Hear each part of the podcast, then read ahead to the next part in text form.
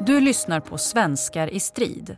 En dokumentärserie om Kongokrisen i början av 60-talet. Avsnitt 2. På liv och död. Jag har tittat i den här eh, signaltrafiken. Mm. Jag vet inte om du behöver glasögon, men 1745. Ja, titta. Du är en av de här två då. Ja, just det. Precis. Och så är det Örberg då som närmst här. Mm, skallskådan. Mm. Vad intressant. Man kan ju följa i signaltrafiken här eh, från att eh, Örberg skadas då helt enkelt. Ja, det. Och det börjar ju 06.40 Mm. och 08.48 så är de 12 man som har kommit över ån med en svårt sårad. Mm. Så att det är, det är två timmar Ja, efter. just det. Och du vet, dels var det ju en flod de skulle över och dels var det ju naturligtvis skottlossning hela tiden. Och så vet man ju inte hur länge han har legat på sjukan då innan eh, ni kom dit. Här. Mm. Mm.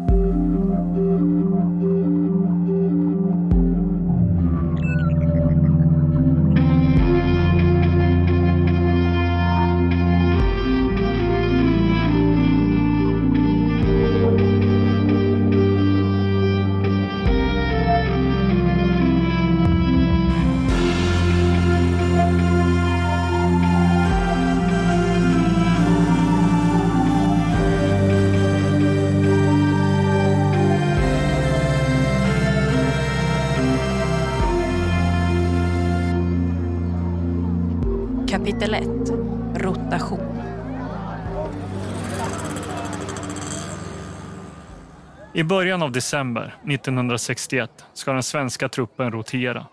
Bataljon 12 har gjort sina sex månader och ska bytas ut mot bataljon 14 med nya soldater och ny personal.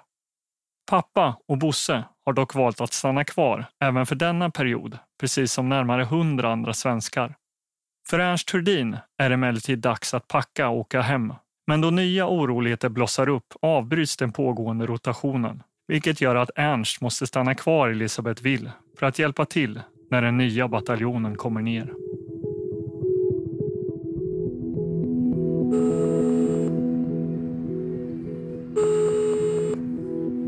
Nej. Ja, hej Stig, det var Anders här. Ja men alltså, då släpper jag in, jag trycker här och eh, sen går du fram för trapporna, sen går du till vänster. Okej, Jag tror det står trapphus B på en pil. Sen tar du hissen där och det är tre trappor okej, strålande. Tack. Jag heter Stig Högberg och jag var nere i Kongo på bataljon 14 och bataljon 22 som sedermera flyttades upp till Cypern. Jag hade befattningen som vanlig skyttesoldat och eh, vi gjorde anfallet mot Camp Mazar och eh, vi var nere i flyktinglägret och vi hade tjänstgöring i eh, flyktingsjukhuset. Stig Högberg, även kallad Stickan, är en av de drygt 500 svenskar som flyger ner till Katanga med bataljon 14 i början av december. Jag träffar honom i Stockholm där han visar med sin samling av föremål från Kongo. Jo, som du ser här så har jag ju väldigt mycket Kongoböcker och Afrika speciellt. Men Kongo har jag väldigt mycket av och eh, jag har just fått en bunt. Jag ska få en bunt till på fredag här utav en annan eh, kompis från Kongo. Så jag brukar kalla mig för Kongofreak. Här är alla brev jag ska sk- skicka hem under tiden. Du har dem sparade alltså? Eller dina föräldrar sparade dem? Och här har jag skrivit med minnen från första tiden i Kongo. Okej. vad jag var med om. Och... Men eh, det vi kan berätta om där, det är just... Eh, har jag funderat på vart vi ska börja någonstans. vi jag kommer kan- lite allt... eh, Ja, du, får- du får plocka Mm. ihop det. Att jag tänkte, tänkte så så här, att eh, jag gjorde lumpen eh, som militärpolis 1960-61. Så jag var hemma en månad innan jag rök in till Kongo. När du åkte ner så visste ni ändå att strider pågick. Ja, ja, ja. Hur- var, hur gick tankarna kring Det var så här att då sa de till vid någon, någon eh, samling att ni har eh, möjlighet att hoppa av. Så det var, jag tror det var en eller två som hoppade av. Men eh, inte från eh, våra kompanier vad jag kan komma ihåg. Till skillnad från bataljon 12 som under sommaren 1961 åkte ner med uppfattningen om att FN-tjänstgöringen förmodligen skulle bli relativt lugn och trivsam så möts nu de nya svenskarna av en helt annan situation. Det tidigare så trevliga Elisabethville är nu mer eller mindre en krigszon. Dagligen förekommer skottlossning och i ett grönområde utanför den svenska kampen har det bildats ett gigantiskt flyktingläger med över 40 000 människor som försöker fly undan förföljelse. Ernst minns sitt första möte med några av de nyanlända svenskarna.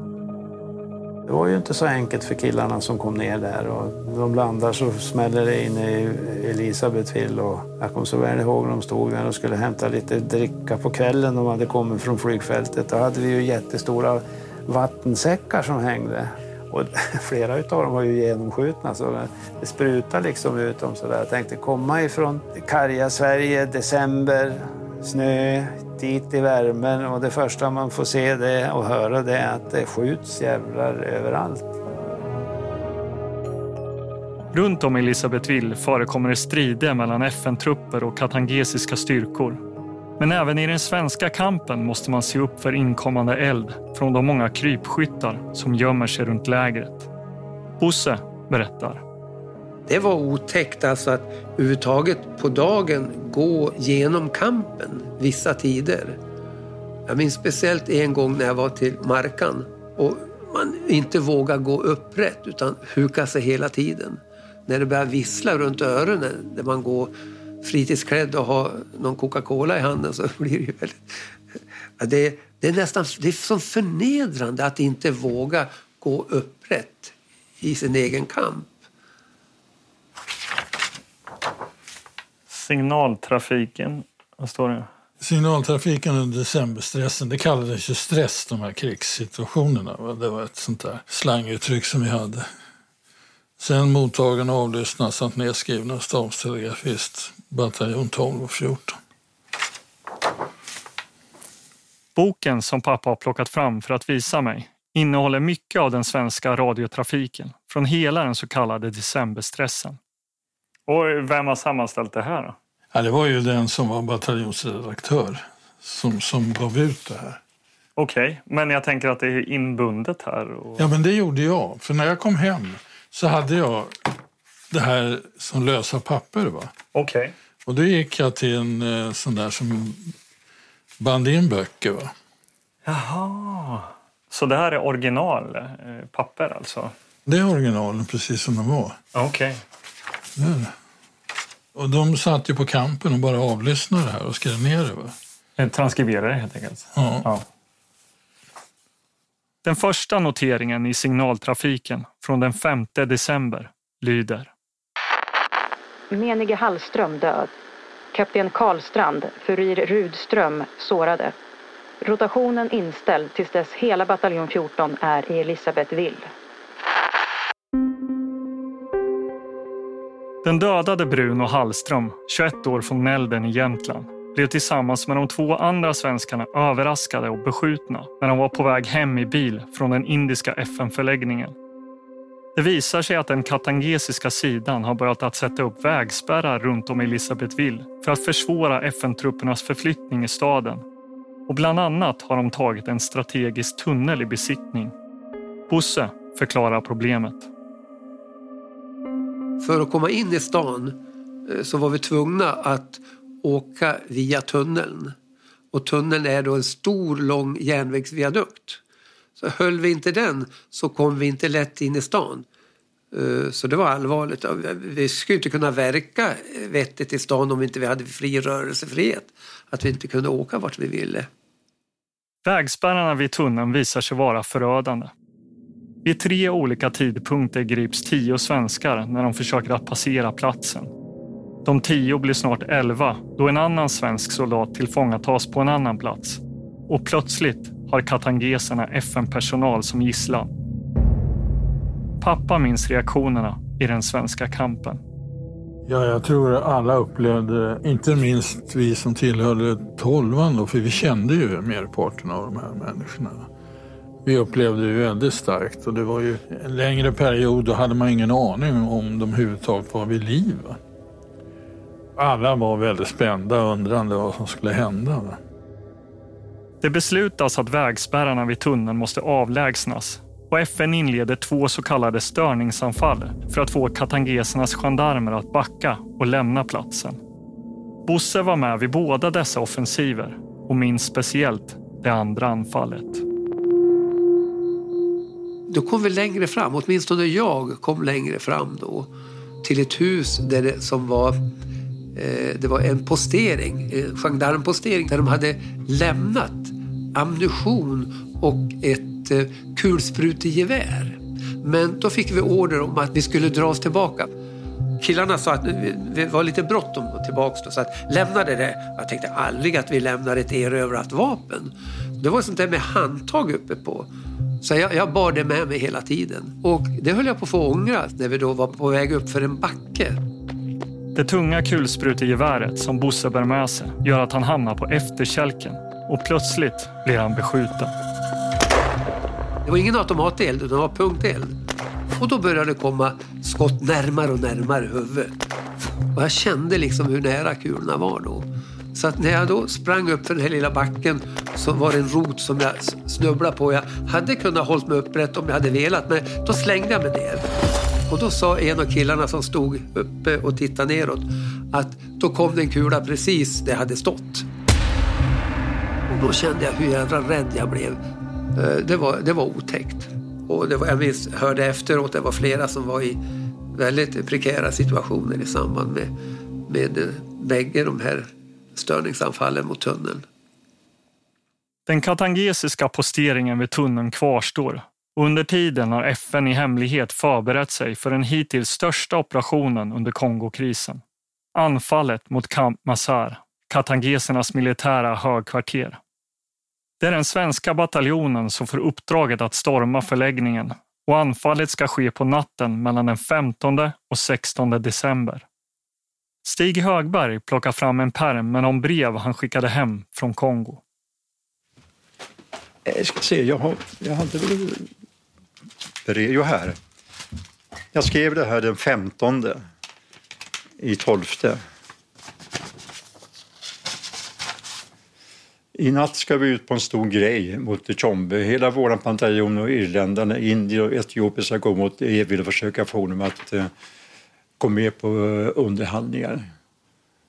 Och då, då den kvällen, då, då var det många som satt, och skrev brev hem, som vi kallar för det sista brevet då. Ute, utifrån att det skulle hända någonting. Kändes det lite så? Ja, det var ju klart, eh, om man tänker efter så var det nog ganska tryckt stämning. Det, det kan man nog säga att det var. Det var ingen som försökte spela, äh, spela Allan. Äh, det var det inte. Utan, äh, det var mer att vi var väldigt samlade helt enkelt.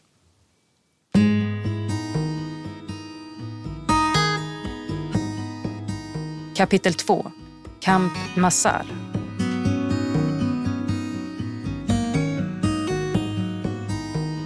Vid den här operationen kommer pappa inte att delta i själva anfallet som han gjorde under inledningen av Mortor i september.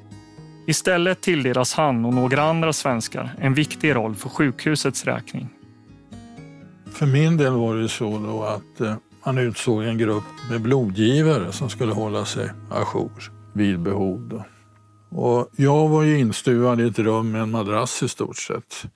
Där skulle jag hålla mig då.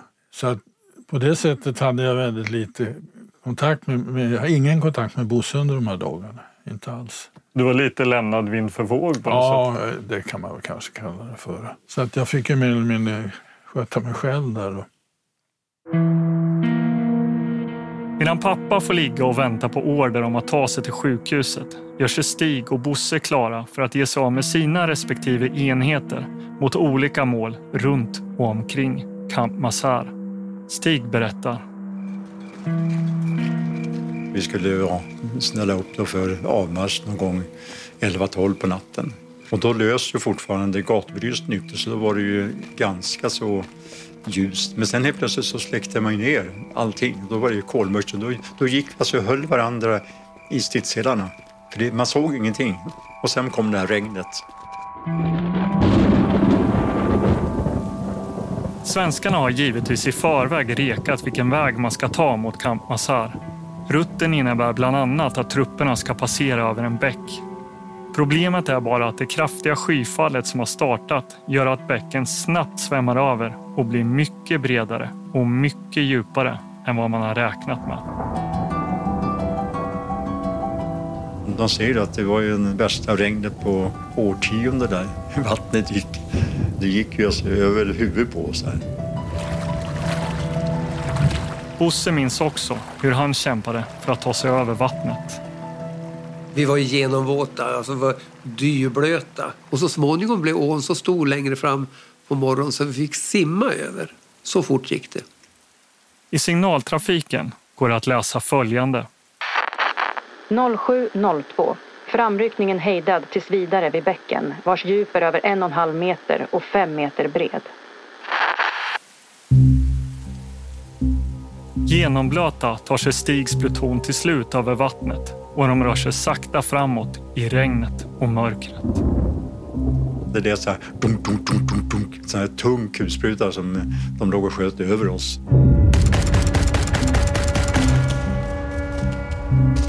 De måste ha vetat att, att vi fanns någonstans. Fast de visste väl inte var vi var någonstans. När vi kom då krypande i gräset. Nej, vi vågade inte sticka upp huvudet utan vi, vi bara låg där och kröp. Och jag sa till min fru som låg framför mig att jag är så kissnödig, jag måste kissa.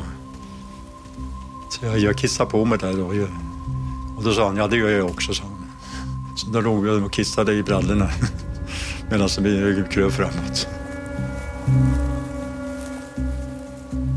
Gruppen som Stig är med har i uppdrag att inta ett bageri som ligger en bit utanför själva högkvarteret, Camp Mazar. Vår egen granatkastarpluton fick order att skjuta då granater över oss mot bageriet och framöver där. Men eh, två slag då hamnade mitt i oss, våran pluton och andra pluton.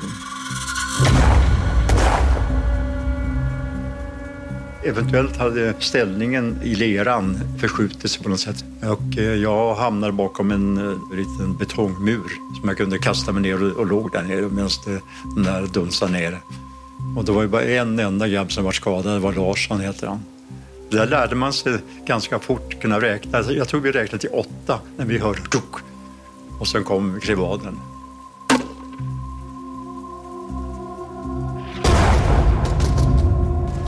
Leif Ove Larsson, 20 år från Vinberg i Halland, har tur och klarar sig med lindriga splitterskador och gruppen gör sig redo att anfalla bageriet.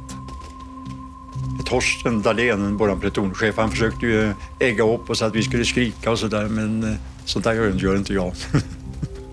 och då var det som vanligt där med infanterianfall, eh, GG och så sprutor och så, så sprang vi.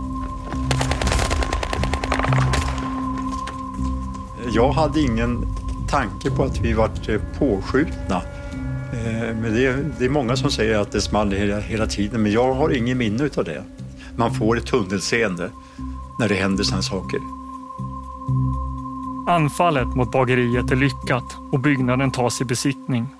Stig blir då beordrad att bevaka terrängen bakåt. När jag låg där så började jag märka att det så pst. Då märkte jag till slut att det var ju, det, man sköt ju på mig. Tydligen så var det många som satt i träd, verkade det som, och sköt eh, på oss. Och då sen sjukvårdaren Sören, han är från Värmland, så han sa så här, skjut upp efter träan. så riktade jag k-pisten upp mot träden så sköt jag. Och så efter en stund så kom det en eh, grabb gående där med geväret i hand och så bara skrek vi hans upp och så tog vi han bara.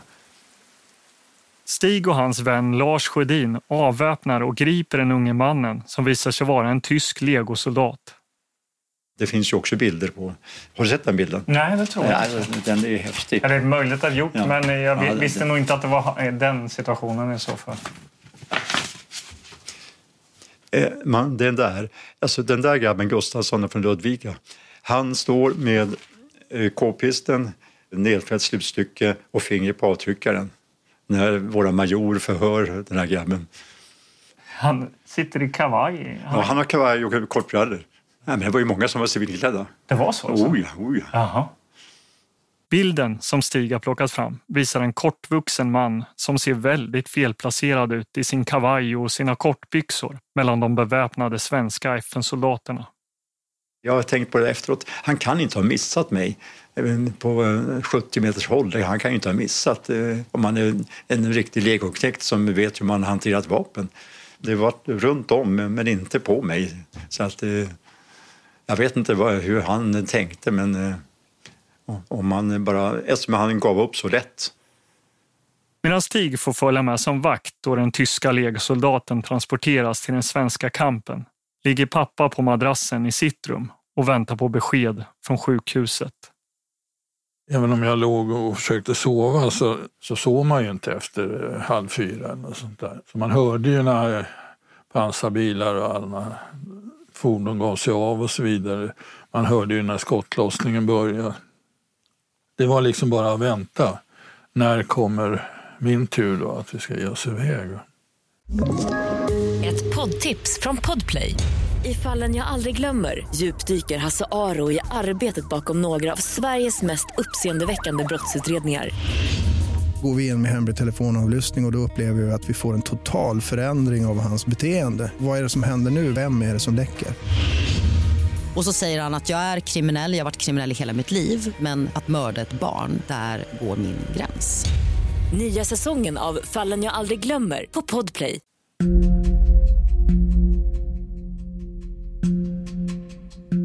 På morgonen kommer så ett samtal från sjukhuset att skadade FN-soldater behöver blod.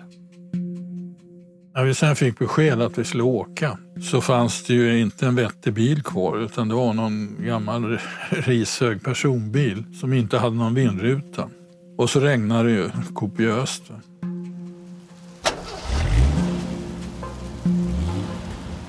FN har satt upp ett temporärt sjukhus i en villa på väg ut mot Elisabeth Wills flygplats. Och det är dit pappa och två andra blodgivare nu beger sig.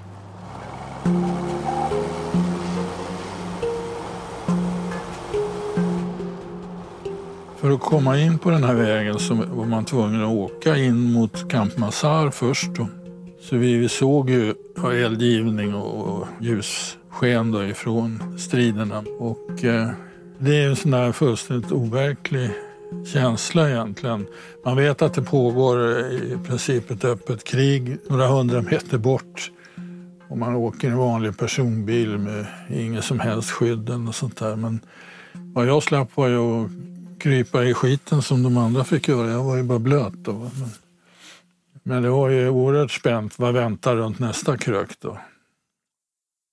Färden ut till sjukhuset går bra och pappa kommer oskadd fram till villan. Men synen han möter är minst sagt omskakande. När jag öppnade dörren så såg jag att det, jag upplevde att han låg på golvet först, men han låg ju på en bår. Där låg det en svensk soldat. Och han var ju totalt genomblöt. Va? Från topp till tå så att säga. Och smutsig och inte omhändertagen för fem öre om du förstår vad jag menar. Och han var ju helt orörlig och han var väldigt så att säga, vanställd. Hans huvud var uppsvullet.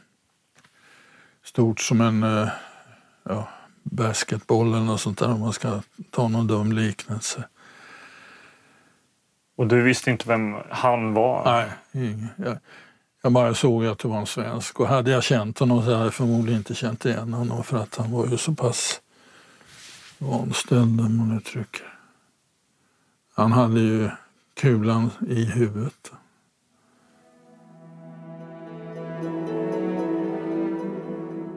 Soldaten på båren är Lars Örberg, 21 år från Goxsjö, Jämtland. Han har träffats av en kula i huvudet under framryckningen mot Camp Mazar. Bosse ingick i samma kompani som Örberg. Jag var inte med på platsen där han sköts. Jag var ju då 100-150 meter bakom platsen där, där han träffades. Men eh, jag bar båren med, med Lars Örberg eh, efter råd för att hitta lämpliga ställen att gå över för att så snart som möjligt få honom till sjukhuset. Det var ju enda räddningen så att säga. Tittar man i signaltrafiken från den 16 december går det att hitta den förmodade första rapporteringen om att Lars Örberg har skadats. 06.40. Vi har en sårad. Vi vill ha den hämtad. Regnet och mörkret ställer dock till stora problem för Bosse och de andra som bär båren med Örberg. Bäcken som soldaterna tidigare korsat på egen hand är nu bortåt sex meter bred och två meter djup. Vi vågar ju inte vada över ån med risk att han skulle få vatten eh, i såret. Så att vi, vi stannade upp där. Du vet, det var ju helmörkt. Vi såg ju ingenting. Dåliga kartor naturligtvis också. Och vi hade ju inte rekognoserat terrängen där. Bosse och hans kamrater försöker nu tillsammans att komma på en lösning för att få med sig båren med Örberg över vattnet. Frågan var om vi skulle försöka fälla något träd med sprängdeg över ån och på det sättet kunna balansera över. Men vi bedömde att dels hade vi inte någon vettiga, vettig utrustning för det. Dels var ingen av oss som kunde bra med den utrustning vi hade att fälla något träd. 07.42 rapporteras följande. Viktigt meddelande. Vi är på väg mot bron med en svårt sårad. Bosse och de andra soldaterna ger upp försöken att ta vägen över vattnet och tvingas nu istället att bära den skadade Örberg i över en timme för att ta sig till en bro längre bort där man hoppas kunna få honom överlämnad till en svensk pansarbil som kan köra honom ut till sjukhuset. Ju längre tid som gick från att han var träffad desto mindre möjligheter hade han ju att klara sig. Och det var ju det som var så ångestfyllt att gå och bära på honom och inte, inte lyckas komma över ån. 08.48, drygt två timmar efter att den första rapporten om att Lars Örberg har blivit skadad kommer så slutligen beskedet. Vi är tolv man som har kommit över ån med en svårt sårad. Örberg körs nu direkt ut till det provisoriska sjukhuset för att bli omhändertagen av den italienska läkaren Giuseppe Cipolla. En mycket skicklig kirurg som har gjort sig ett stort namn under bland annat andra världskriget. Det är också Chipola som tar emot pappan när han står bredvid båren där Lars Örberg ligger på golvet. Han sa ofta att svenskarna hade en underbar förmåga. De hade tur. Få döda, få skadade. Men jag minns, nu sa han istället någonting i stil med att the luck has run out for you Swedes. Jag menar på att nu hade vi inte tur längre. Som den här stackaren då som var skadad på och låg på båren. Och jag, jag undrar naturligtvis hur fan kan man låta honom ligga där? Men förklaringen fick jag ju att det, det fanns andra som hade högre prioritet som man bedömde man kunde klara.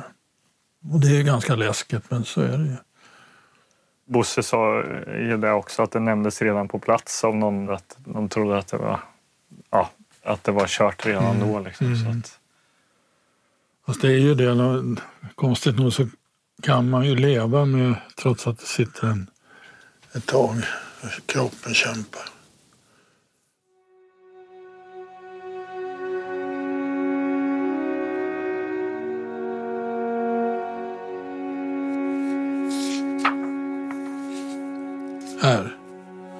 Svensk soldat med nummer 400406-843 har avlidit. Anhålles som FN-ID, nummer och fullständigt namn, födelsetid och plats.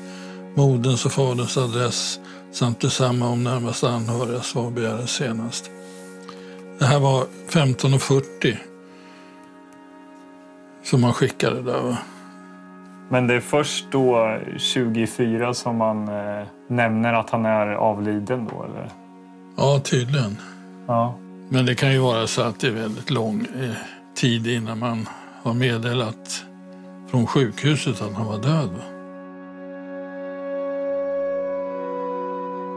Lars Örberg blir den femte svensken som dör i strid i Kongo under 1961. Vad jag förstår så hade du även pratat med han som var med vid tillfället. Då. Ja, det stämmer. Han var ju, den här grabben som dog var ju laddare till en granatgevärsskytt. Han var ganska lång och välvuxen den här killen Däremot skytten var en liten kortväxt figur. Och eh, det var väl så att längden i det här fallet var det oturliga. Det var han som träffades, inte skytten. Han måste ju ha varit väldigt nära också naturligtvis att stryka med. Jag har själv varit i kontakt med granatgevärsskytten för att höra hans sida av berättelsen om Lars Örbergs öde. Men av personliga skäl ville han inte medverka. Bosse minns dock ett möte med Örberg dagarna innan anfallet mot Camp Mazar. Örberg kom till mig ett par gånger inne på kampen och frågade om, om olika saker. Hur, hur riskfyllt det var eller hur terrängen såg ut där vi skulle vara och alla möjliga saker. Han var, han var frågvis och undrande person. Så jag minns honom väldigt väl och tog väldigt illa i mig att, att, just, han, att just han blev skjuten. Och, nej, det var jobbigt.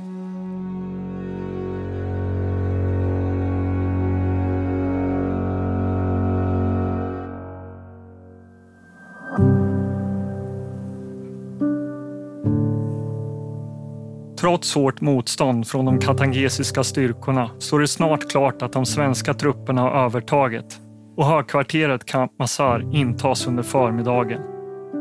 Runt om i Elisabethville har även andra FN-styrkor utfört offensiver och bland annat har de irländska trupperna intagit den viktiga posteringen vid tunneln. Bosse berättar. För mig var anfallet mot Camp Mazar inte det någon av de tre värsta ens. För, men det är, det är personliga saker. Eh, utan då, då, var jag lite van också, för all del. Medan huvuddelen i bataljon 14 kom ju från Sverige och var nya och inte kände till förhållandena. För dem måste ju ha varit en helt annan upplevelse än för mig som var van med, de här, med olika anfall. Det har jag sagt många gånger till de som kom på 14 bataljoner. Ni hade det ju tuffare i december än vi som hade legat på tolvan. Vi kände ju alla förhållanden. Vi visste hur det kunde gå till och medan de kom ner i mörkret och regnet och uh, inte visste någonting. Stig minns hur tankarna gick hos de nyanlända svenskarna på bataljon 14. Vi tycker ju själva då som vanliga soldater, vi, fick ju ingen information. De sa att vi skulle ut på en, en stor grej och ta Camp. Men vi visste inte att när exempelvis att när vi gick här var vi skulle ta vägen. Ingen aning. Jag visste ju inte ens var Kampansar låg. Så att, eh, det var ju en väldigt eh, så märklig situation egentligen.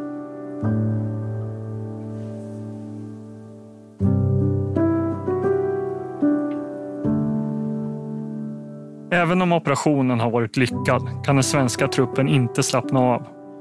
Dagarna efter stormningen förekommer en hel del skottlossning från krypskyttar. Och Stig minns bland annat vakttjänstgöringen på det intagna Camp Mazar som han och hans pluton får ta över. Vår gruppchef Furir, han tog ju inte ett enda vaktpass på natten. Medan de andra Furirerna, de hjälpte grabbarna. Vi vart ju färre och färre i vår grupp och det vart ju mer och mer vakttjänstgöring. Så att vi var ju så trötta så att jag vet att eh, jag och eh, Lång-Johan, vi stod i ett fönster där och då hade vi ställt fram klockan så vi tog en kvart var. Så vi orkade hålla oss vakna så här och så fick nästa eh, ta vid när vi hade gått en kvart för vi orkade inte vara vakna. Så det var, det var ganska tuffa dagar där? Ja, det var det faktiskt. Just ja. att man inte fick sova. Vi hade ju ingenting med oss. Så att, eh, vi använde hjälmen som, som huvudkudde så här och där vi, så låg man direkt på cementgolvet. Nyckelpositionerna i Elisabethville är besatta av FN. Men pappa minns att sviterna från striderna var mycket påtagliga i den svenska kampen. Vi hade ju väldigt dåligt med, med mat. Elen var ju avstängd, vattnet. Så eh, det var ju oerhört primitivt och jobbigt på det sättet. En period innan man fick igång försörjningen igen. Så att den där julen var det inte mycket med när det gäller julmat och så vidare.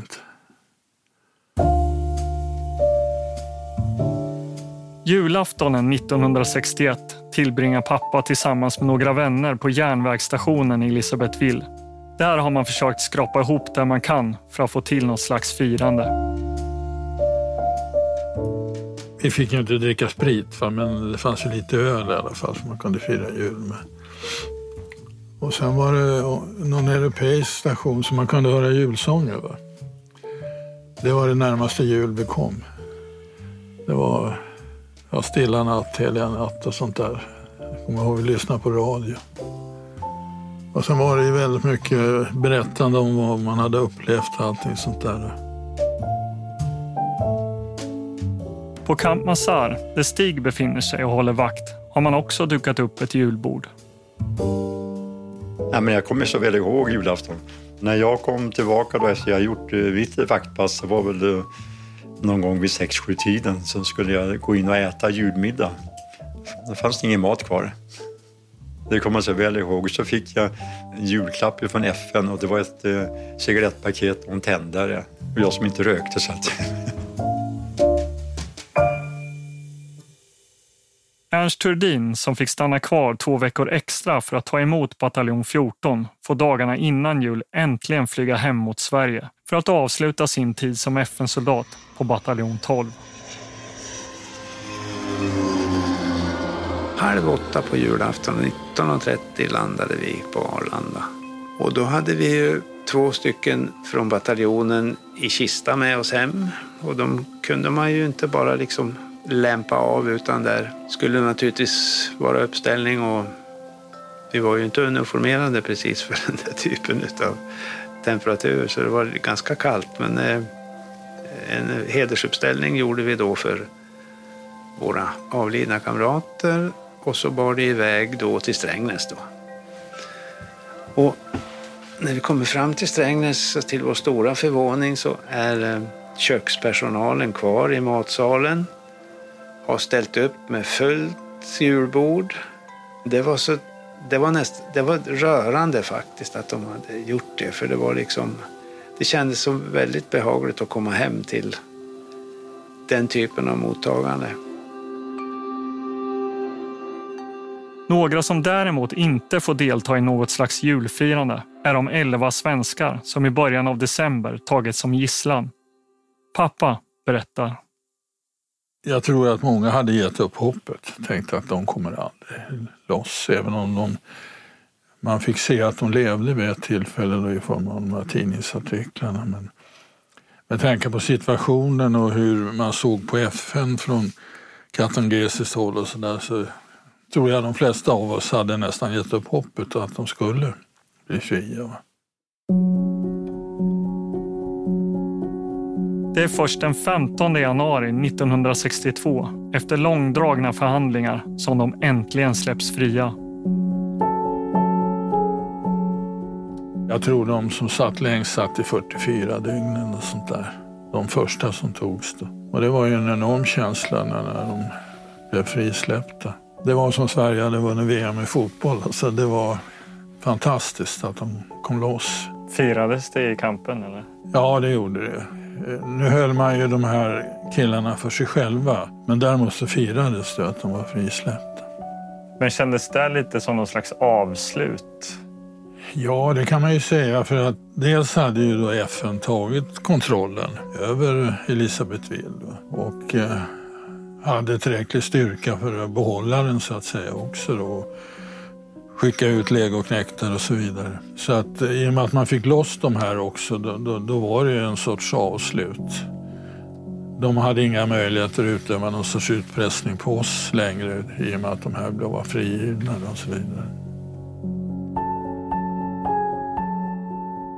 Sviterna från den långa och många gånger hårda fångenskapen är dock tydligt märkbara hos de elva svenskarna. Många av dem for ju väldigt illa psykiskt så att säga för att de utsattes ju för hot och, och eh, ja, skenavrättningar och sådana där saker.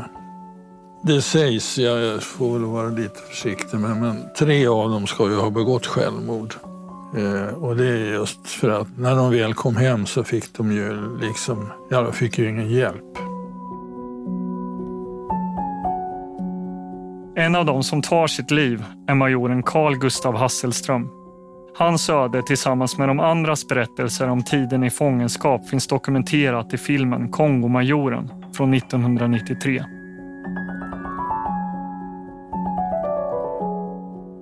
Jag vet, jag hörde det här eh, talet. Det var någon högre militär som tog emot dem på Bromma då. Och han pratade om att eh, även i fångenskap har svenska soldater visat sig stå rycken. Det, var liksom den tonen. Va? Det var inte tal om att de kanske kunde ha, ha problem med sig hem och så vidare. Men det var ju som så mycket annat. Man, man hade inte kunskap och insikt i vad som händer när man hamnar i såna här situationer som vi gjorde.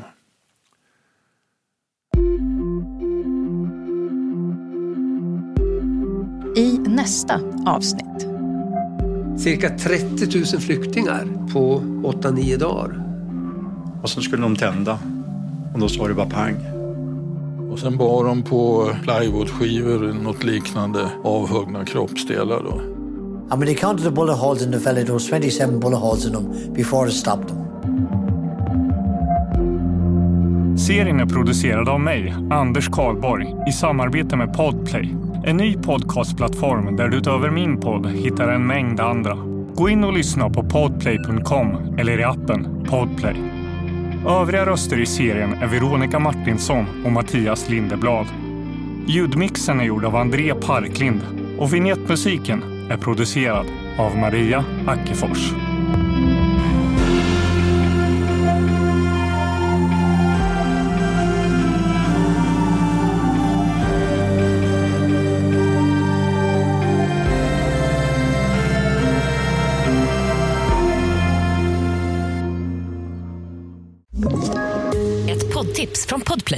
I podden Något Kaiko garanterar östgötarna Brutti och jag, Davva, dig en stor dos skratt. Där följer jag pladask för köttätandet igen. Man är lite som en jävla vampyr. Man har fått lite blodsmak och då måste man ha mer. Udda spaningar, fängslande anekdoter och en och annan arg rant. Jag måste ha mitt kaffe på morgonen för annars är jag ingen trevlig människa. Då är du ingen trevlig människa, punkt. Något Kaiko, hör du på Podplay. Därför arkadeinerna.